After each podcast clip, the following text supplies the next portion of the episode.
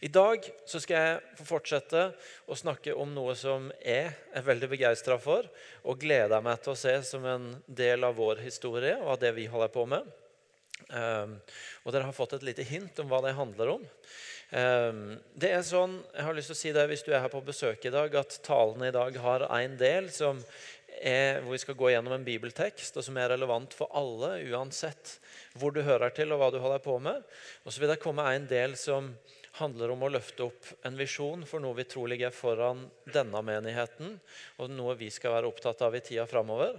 Og da får du, hvis du er på besøk, la deg inspirere av det, ta med deg det som er relevant, og så komme tilbake de neste ukene hvor vi skal kanskje ikke snakke så mye om bare noe vi skal holde på med her, men eh, noe som også gjelder alle.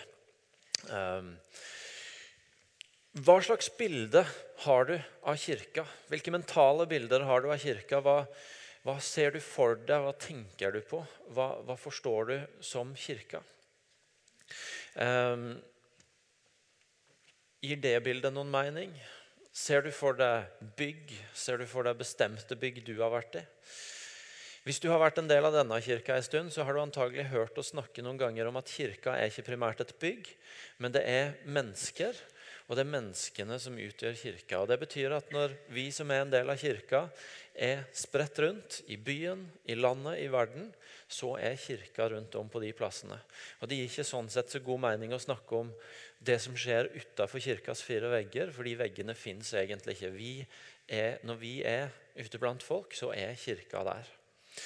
Eh, likevel så kan det godt hende at vi også danner oss sånne bilder av at Altså, Vi har det jo kjempebra her på IMI, på Kjensvoll. Og med det vi holder på med her, skjer masse spennende og ofte ganske mye folk og nye ting som skjer, og spennende rapporter.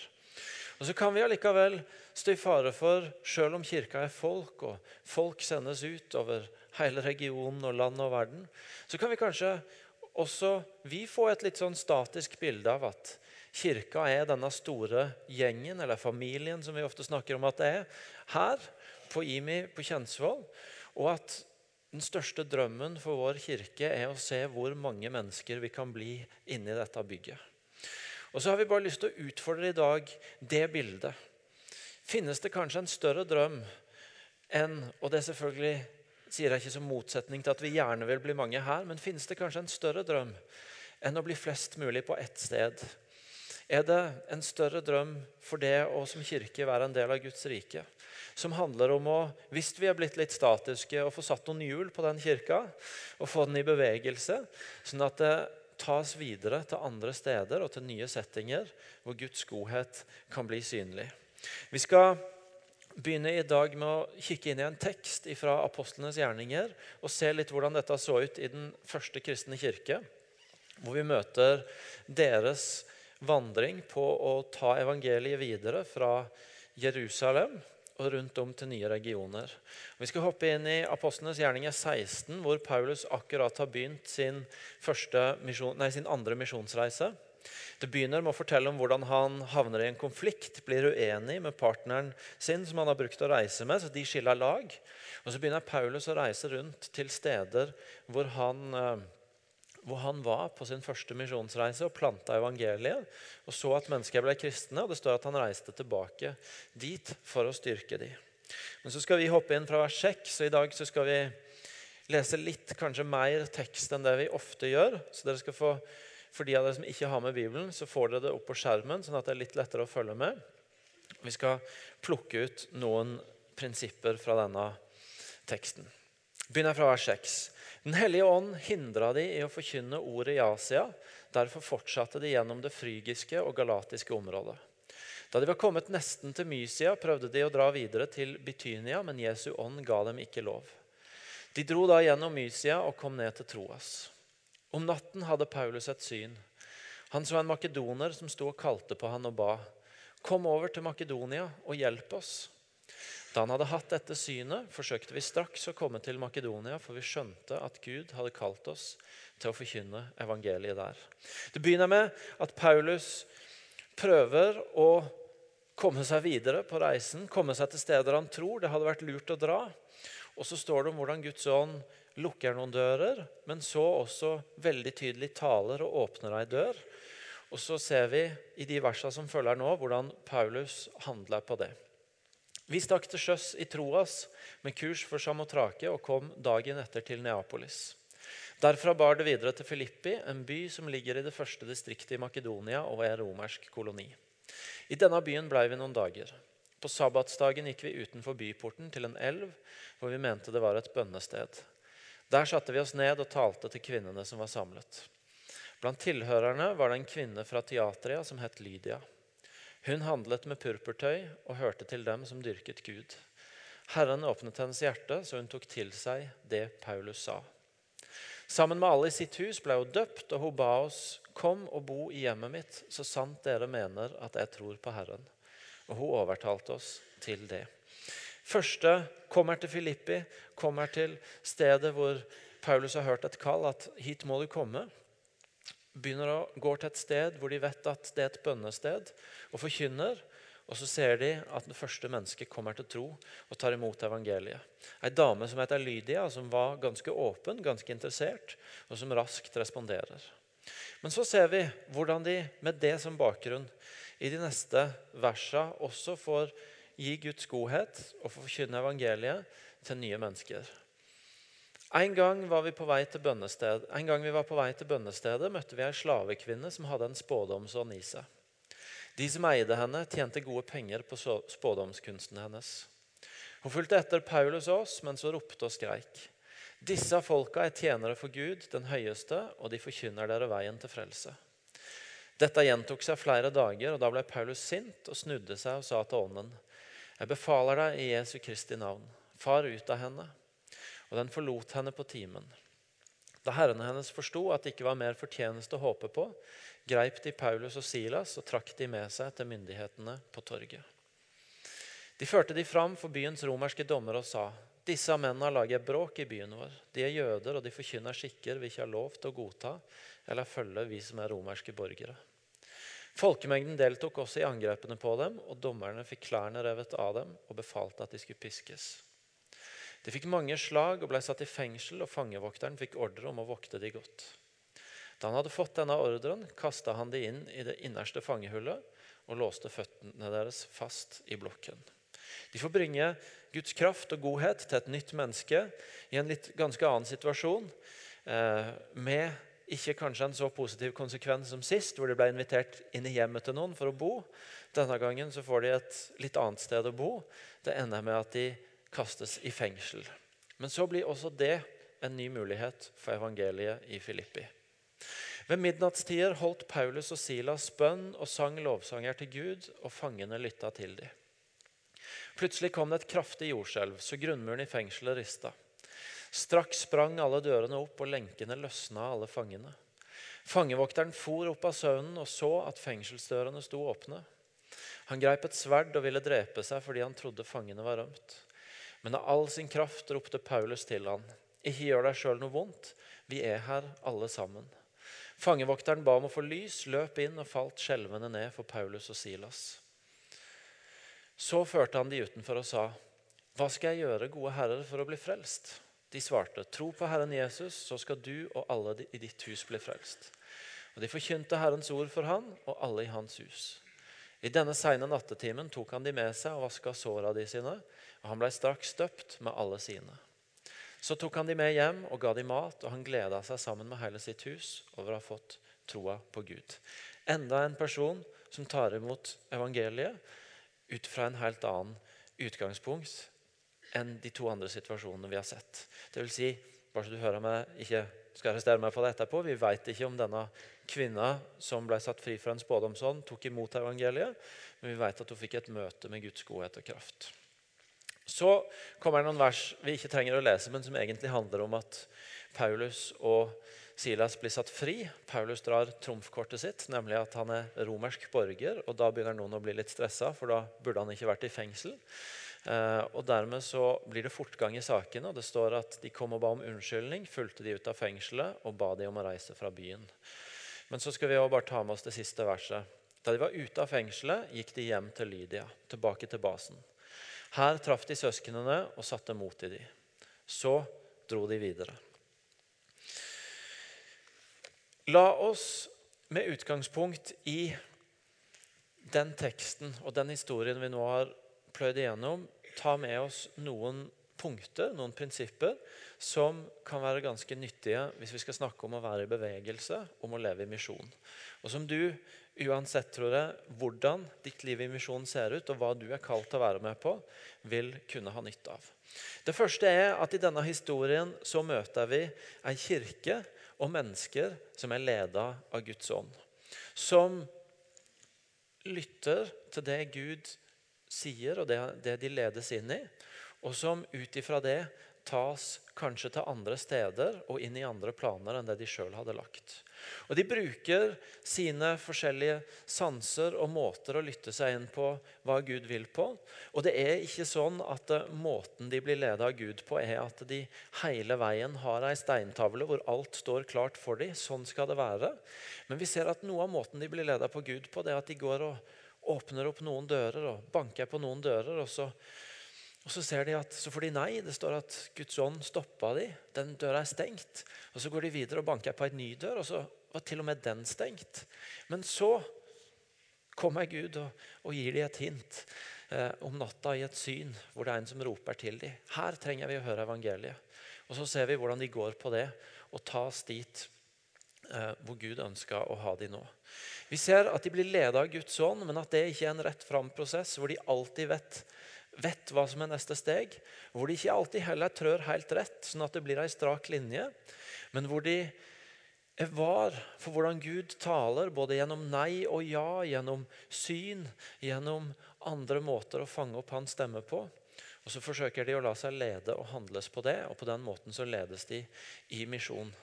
Eh, dere skal få se en sak her.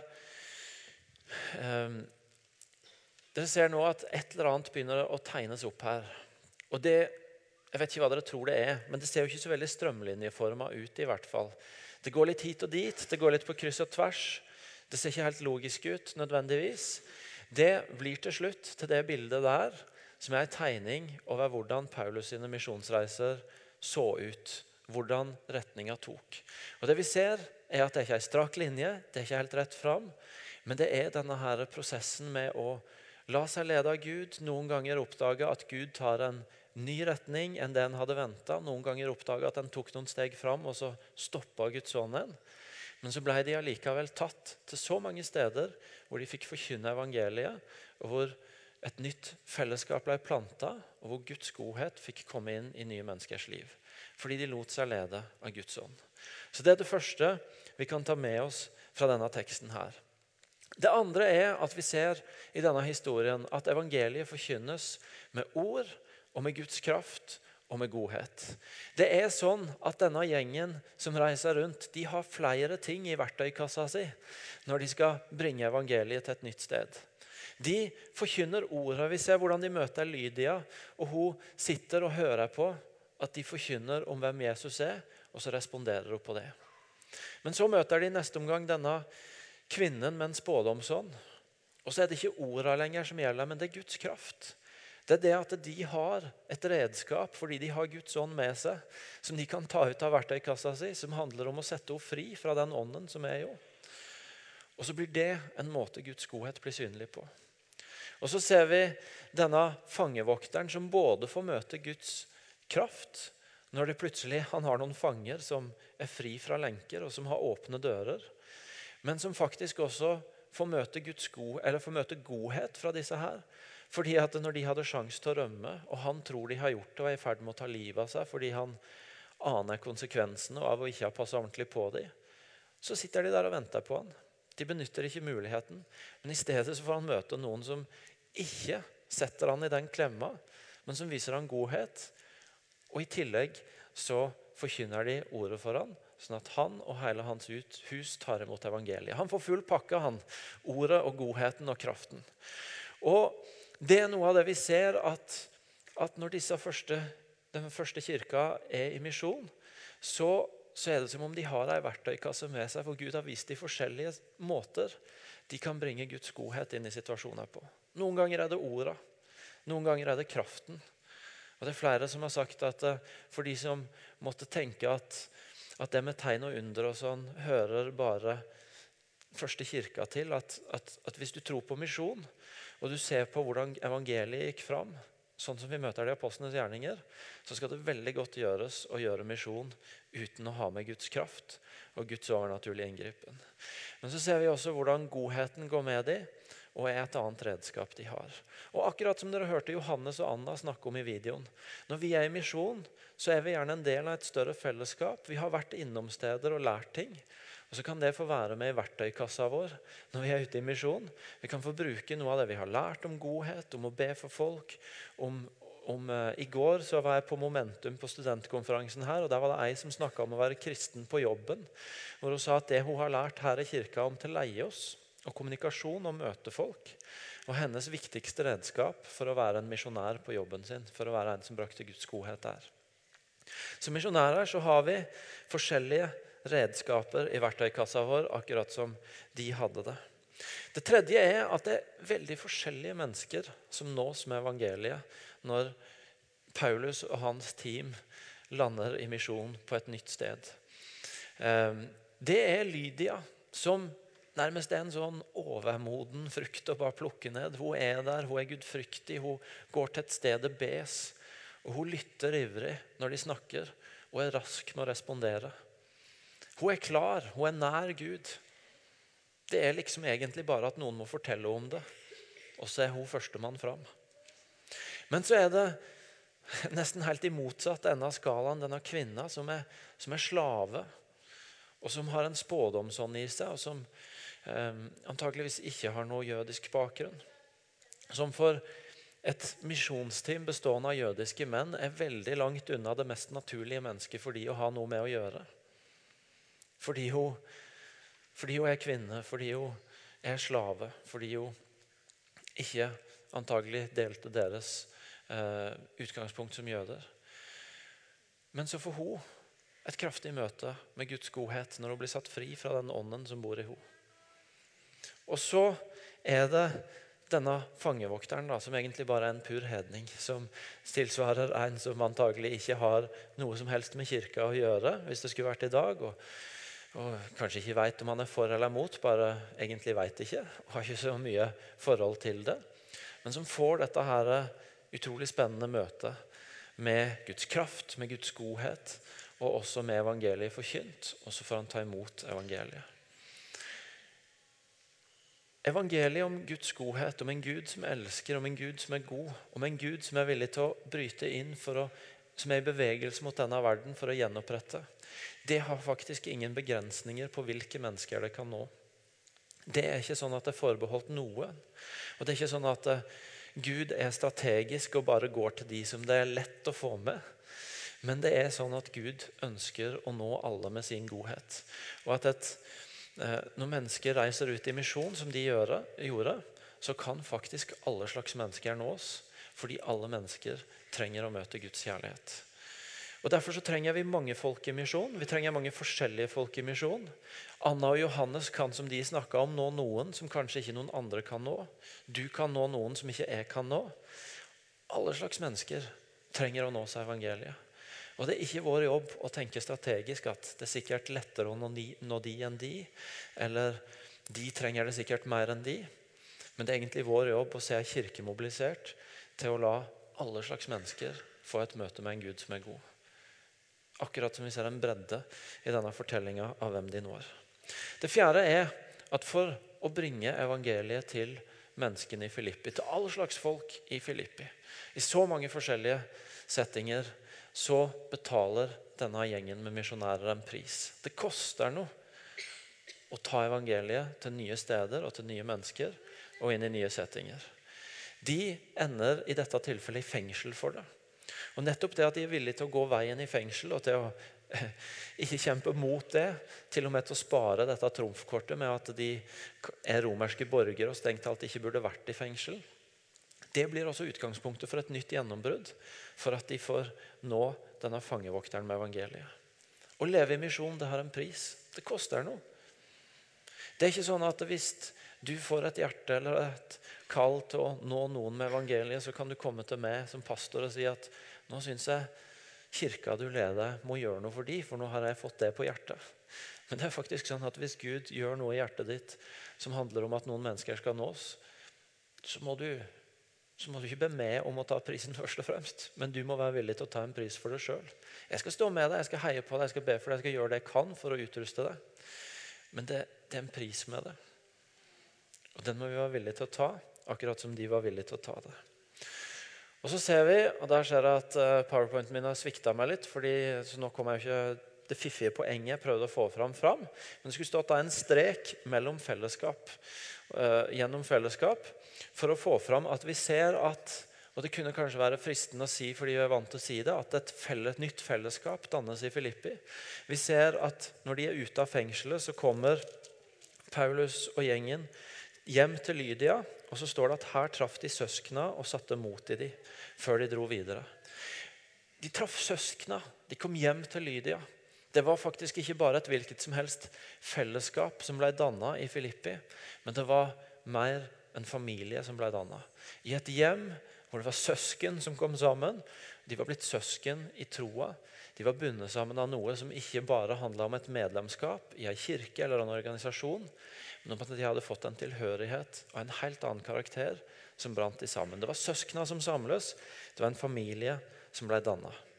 Og dette er et mønster i apostlenes gjerninger når vi ser den første kristne kirke. At misjonærer drar til nye steder, og så planter de evangeliet der. Med orda, med godheten, med kraften og miraklene. Og så ser vi at som en konsekvens av det, ettersom folk begynner å respondere, så plantes en ny familie, en ny menighet. Og For Filippi sin del så ser vi i Paulus sitt brev til filipperne hvordan den menigheten vokste og blei til noe som Paulus fortsatte å følge opp og hjelpe videre til å utvikle seg. Det er et mønster at sånne nye fellesskap dannes, og at eh, der nye mennesker nås, der oppstår nye menigheter, og der nye menigheter plantes, der nås nye mennesker.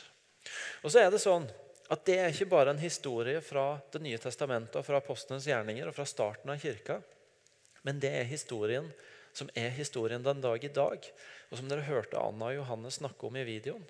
At når nye fellesskap plantes i nye settinger, og på den måten at evangeliet plantes på nye steder og blant nye mennesker, så er nesten alltid konsekvensen at nye mennesker får et møte med evangeliet. Og Derfor så tror vi at det er så viktig å også oppdage det for oss som menighet, og at mange er opptatt av det i landet vårt. Jeg har lyst til å gi dere bare et eksempel som ikke er sånn veldig stort og fjernt fra vår virkelighet eller en helt annen del av verden eller i en helt annen tidsregning, men som faktisk er her i Norge i, fra de siste tiåra. Fordi Forrige fredag så var jeg på et seminar og jeg satt og hørte på en fyr som hadde hatt base i Salem misjonsmenighet i Kristiansand. Og Han fortalte at i bare se om jeg får den til å virke, at i 1979 så var Salem 300 mennesker. Og så planta de sin første menighet. Siden den gang så har de først i ikke så høyt tempo, og de siste åra med veldig mye høyere tempo, så har de snart planta ti menigheter. De har planta sju, og de har nesten planta tre til. Så de har planta ti menigheter. Og der de når de begynte å plante den første, var 300 mennesker, så er de i dag til sammen over 1400 mennesker.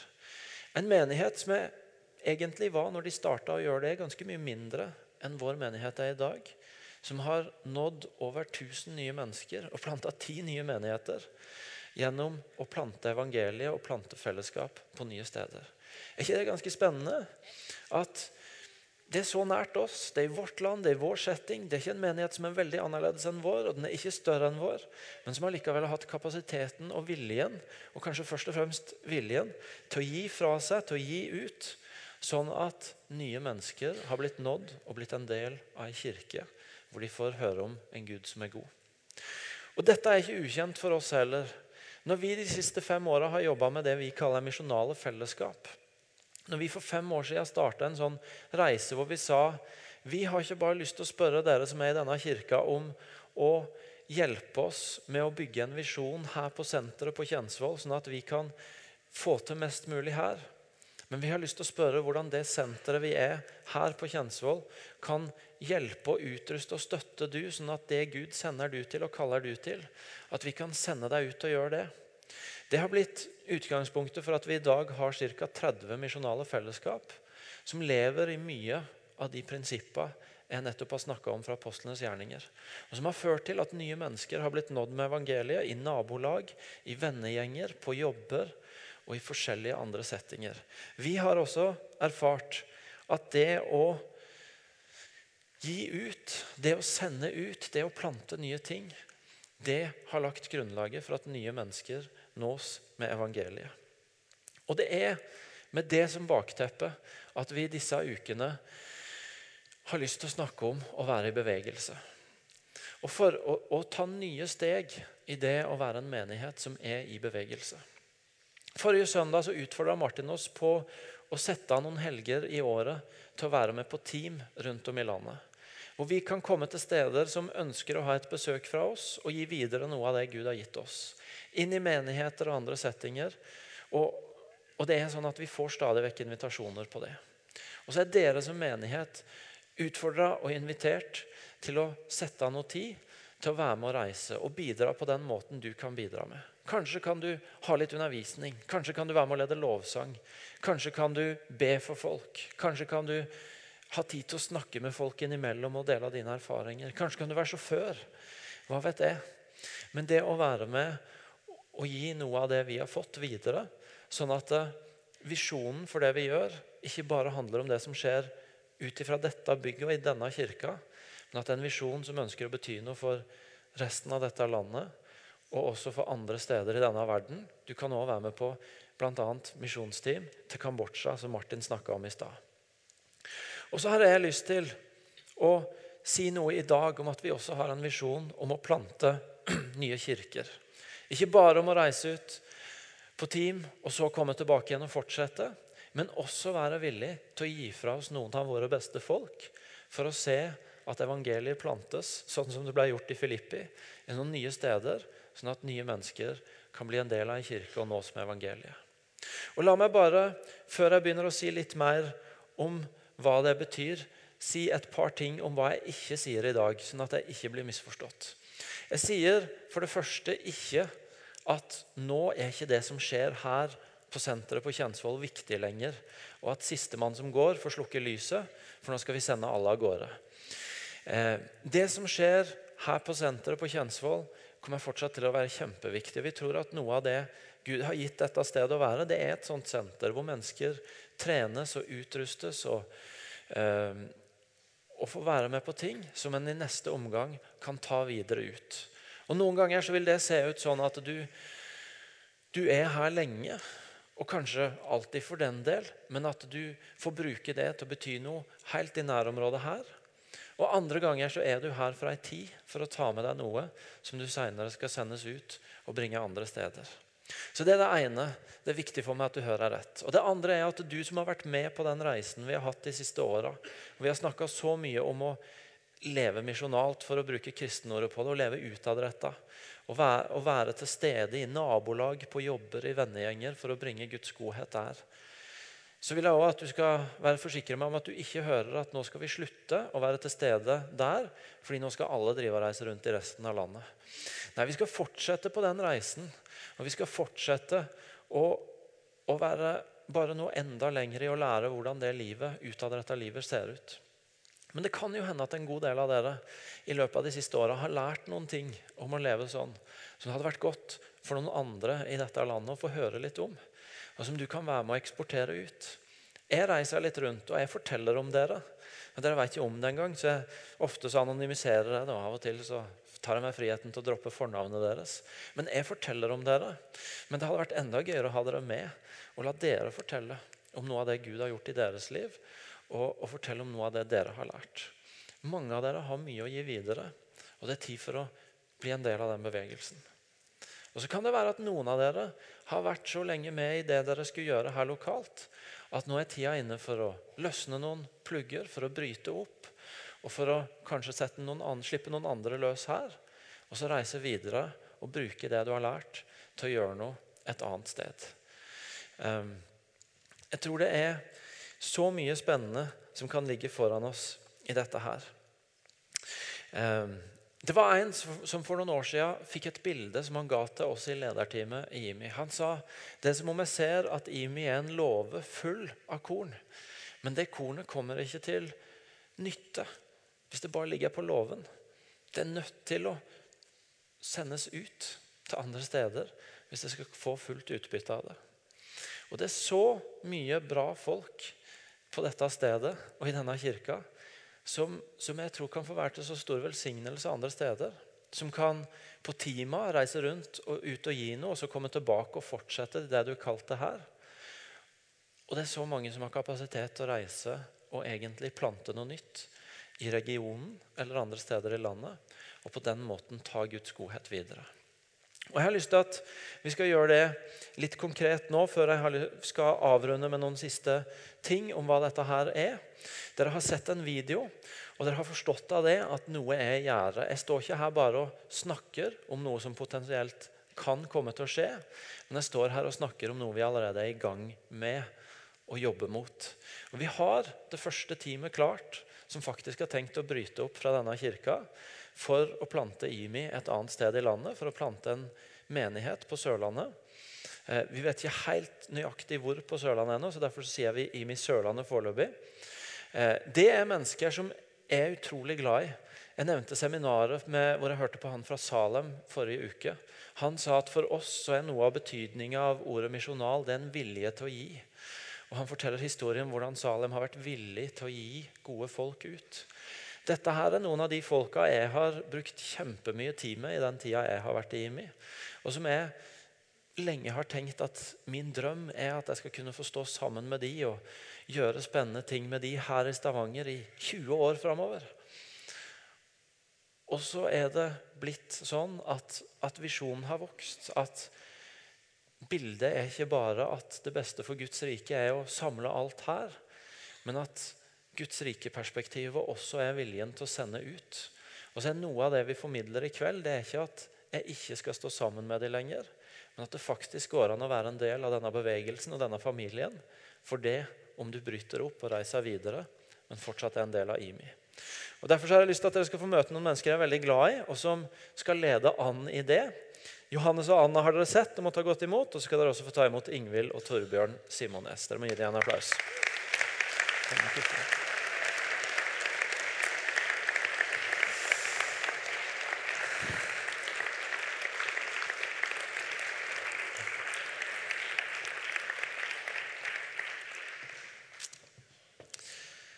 Fine folk. I formiddag så var også lille Joel på fortsatt under et år ja, eh, med. Så det viser at det er ingen aldersgrense nedad for å bli menighetsplanter i denne kirka. Og eh, det er ikke sikkert en aldersgrense oppad heller. Eh, vi har sett litt på videoen om hva dere tenker. Men jeg kunne tenke meg å spørre Ingvild og Torbjørn nå, siden nå har vi hørt litt fra Anna og Johannes. Hvorfor vil dere være med å plante menighet? For min del så bunner det i at jeg har fått en sterkere sterkere lengsel etter å gi videre det jeg har fått her i IMI. Eh, jeg har blitt rikt velsigna av å være i denne menigheten her i seks år. Vokst kjempemasse. Eh, og i den prosessen her så merker jeg at Gud har en sånn lengsel som har vokst i meg, da, og, og gir det videre til, eh, til et sted som kanskje ikke har disse tinga. Og IMI er en fantastisk menighet, en spesiell menighet. Um, og jeg tror det er mange byer i landet vårt som virkelig trenger det som, eh, det som IMI bærer på. Det DNA-et. Så for min del, så, og jeg tror det gjelder hele i bunchen her, så er det det å nettopp gi videre det som vi har fått oppleve her. Mm. Fantastisk. Vi, vi, hørte litt om det på, på videoen i stad. Men, men, kan ikke en av dere bare si litt mer om hva, hva tenker dere å gjøre? Om, om, to år, litt under to år så flytter dere til Sørlandet for å plante. Hva skal dere gjøre da? Ja, vi eh, har vært i denne menigheten lenge og skjønt at eh, det å leve misjonalt, det er det som eh, virker, tror vi, i denne tida vi lever i nå. Så vi har ikke tenkt å kjøpe et stort bygg og vedlikeholde det og samle folk der. Men vi har Ja, til å begynne med. Ja. Um, Han spurte om det om to år. Men vi tenker å eh, flytte et sted, få oss jobber, leve hverdagslivet der som vi bor. Eh, bli kjent med folk og invitere mennesker inn i fellesskap. I små fellesskap, eh, større fellesskap. Men det å leve misjonalt der som vi bor. Og leve familieliv og annet liv. Veldig bra.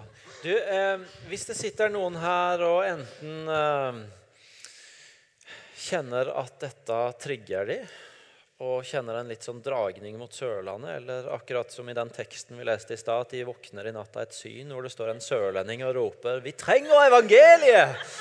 Eller eh, Eller, eller, de bare rett og slett syns dere virker sabla bra og tenker at det å reise på misjonstur med dere hadde vært bra. Eh, er det mulig å bli en del av dette her? Definitivt. Enten du får en sterk visjon eh, fra himmelen, eller at du bare blir interessert, eh, så er vi kjempeglade eh, for folk som har lyst til å dra med oss. Jeg tror vi er helt avhengige av det. Eh, at uh, det her er ikke noe vi fire skal gjøre, men det, det her er noe som først og fremst IMI skal gjøre, men også flere enn oss. Um, og uh, ja, vi, vi, er fire unge mennesker. Vi trenger en bredde. Vi trenger folk som er godt voksne, pensjonister. Vi trenger single, vi trenger studenter. Vi trenger ja, unge foreldre. Uh, hele hele spekteret. Mm. Veldig bra. Du, eh, Så kjekt å høre om det dere skal gjøre. Så kjekt å snakke med dere. Hvis noen av dere har lyst til å høre litt mer, snakke med dem, eller veldig gjerne bare gi dem en klapp på skuldra og si at dette var spennende. Fordi det trenger de. Det er et uh, spennende prosjekt de har kasta seg ut i. Så er de ute i uh, foajeen etterpå. Og vi vil gjerne snakke med du som er nysgjerrig på dette, som har lyst til å oppmuntre dem, eller begynne å opprette en dialog for kanskje å bli en del av det. Er ikke de tøffe som gjør dette? Vi heier på dem. Takk skal dere ha.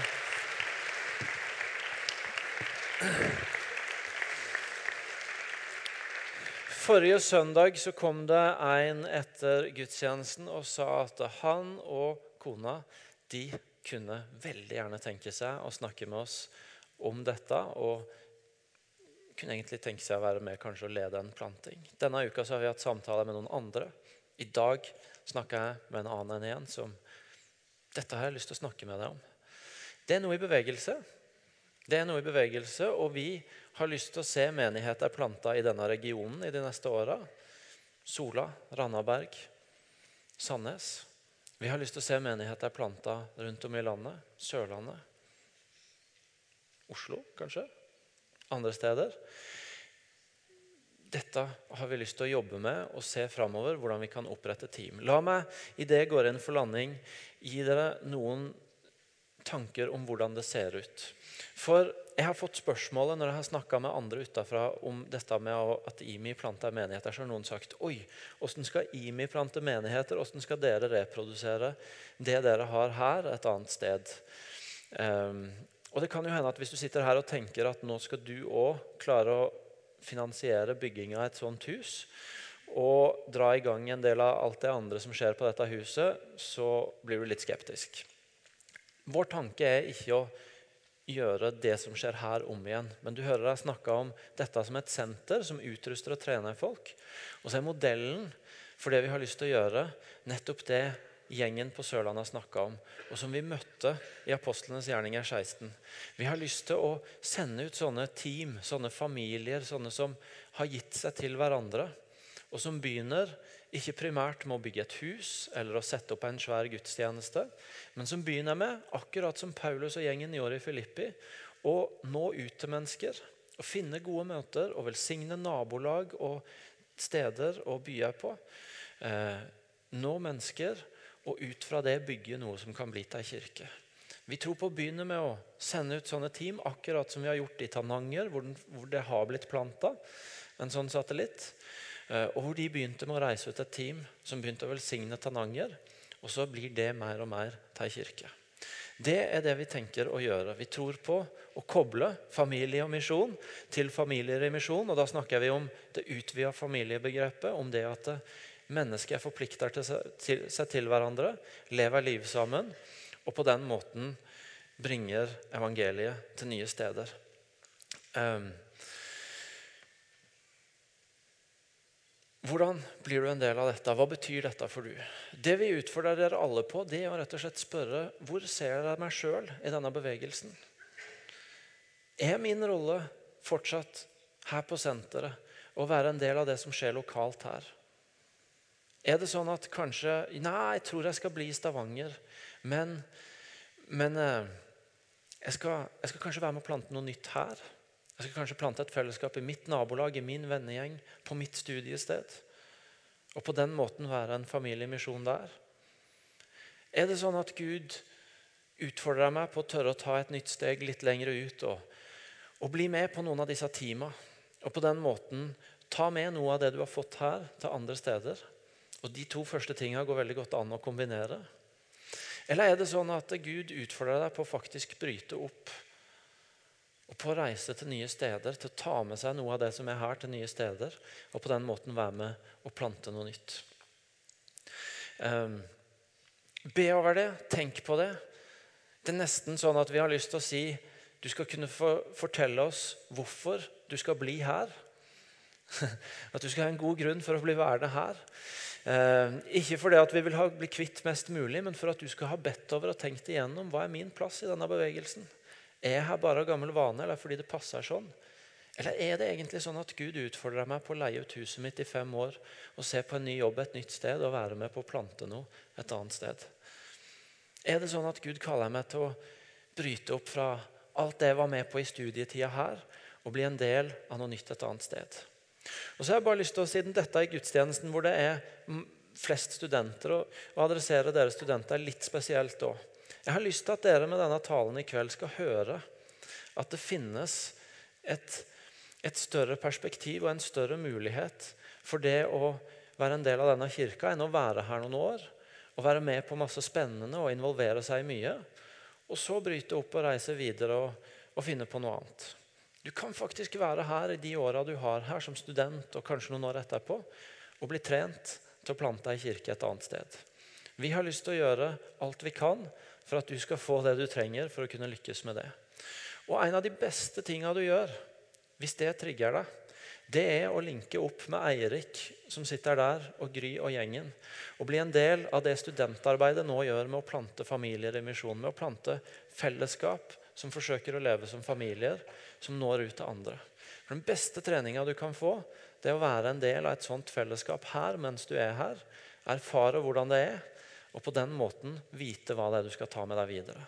Så Eirik han kommer også til å stå ved siden av det bordet Gry står oppå etterpå. Og så kan du som er student og ung voksen, koble deg på han. Enten du nå har en menighetsplanter i magen eller bare syns dette lyder spennende. Og bli en del av de nye fellesskapene som de holder på å plante nå, for å leve ut dette her lokalt. Ok? Dette syns jeg er så viktig og jeg er så engasjert på, er noe av det som opptar meg aller mest. Så jeg kunne gjerne ha snakka en time til, men nå har jeg allerede snakka i nesten en time, så det er tid for å stoppe. Hva gjør du nå? Jo, du fikk et kort på vei inn. Hvor spørsmålet er hvor sender Gud oss? Og du kan, Hvis du er en del av en familie, så kan du si 'Hvor sender Gud oss?' Og dere kan se på det sammen. Og er du ikke det, så kan du stryke ut oss og si 'meg'. Men du kan bli en del av denne bevegelsen. Og du kan be over og tenke på ja, Skal jeg være med på å reise rundt på sånne team? Ja, Så står det her at du enten kan kontakte oss, eller så kan du allerede i dag sette en ring rundt det og skrive på navn og telefonnummeret ditt og legge ved døra på vei ut. Og så vil vi kontakte deg og koble deg på det. Du kan, hvis du har lyst til å være med å plante nye fellesskap, enten her lokalt eller regionalt, nasjonalt, ringe av eller kontakte oss der. Og så, kan, så vil vi være i samtale med deg om det. Og Har du lyst til å kjenne på at noe av det du trigges av, det er nettopp å ta dette også utenfor landets grenser, så står det at du kan kontakte Terje eller du kan ringe ut og gi det til oss etterpå i dag. Så bruk dette kortet. Ta litt tid nå når jeg straks er ferdig med å be og går av talerstolen, til å tenke over er dette noe jeg skal respondere på allerede nå. Og Ta denne lappen nå. sirkle ut og skrive på navnet ditt, og så legger du den igjen. Og så er du i gang med å være en del av bevegelsen. Og du er i gang med å være i dialog med oss andre om hvordan det ser ut for din del. Jeg gleder meg til å se hva dette blir. Jeg gleder meg til å se team som reiser rundt og betyr en forskjell i Norge. Jeg gleder meg til å se fellesskap som plantes her i regionen. Og jeg gleder meg til å se hvordan det ser ut at nye menigheter andre steder i landet vokser opp og fortsetter å være en del av denne familien, bare at de bor litt andre steder. Skal vi reise oss og be sammen?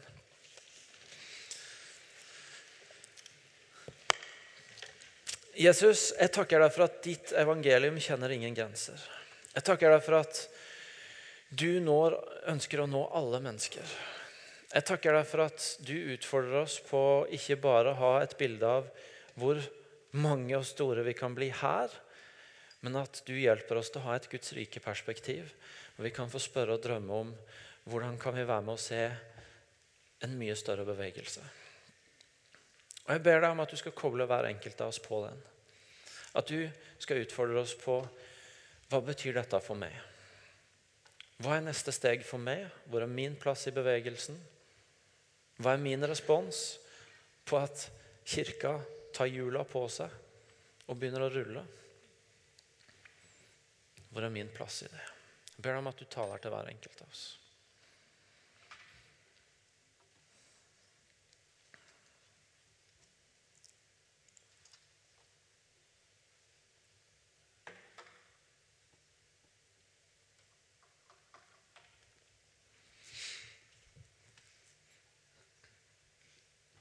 Jeg ber deg om at du tar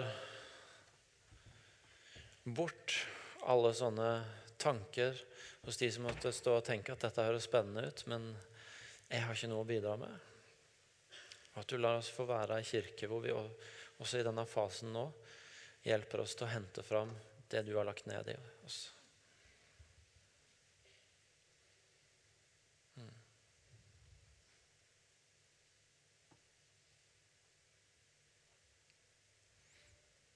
Så har vi lyst til å be deg for dette landet som trenger du, Gud. Om å få lov til å være med på å ta din godhet til nye steder og nye mennesker i dette landet.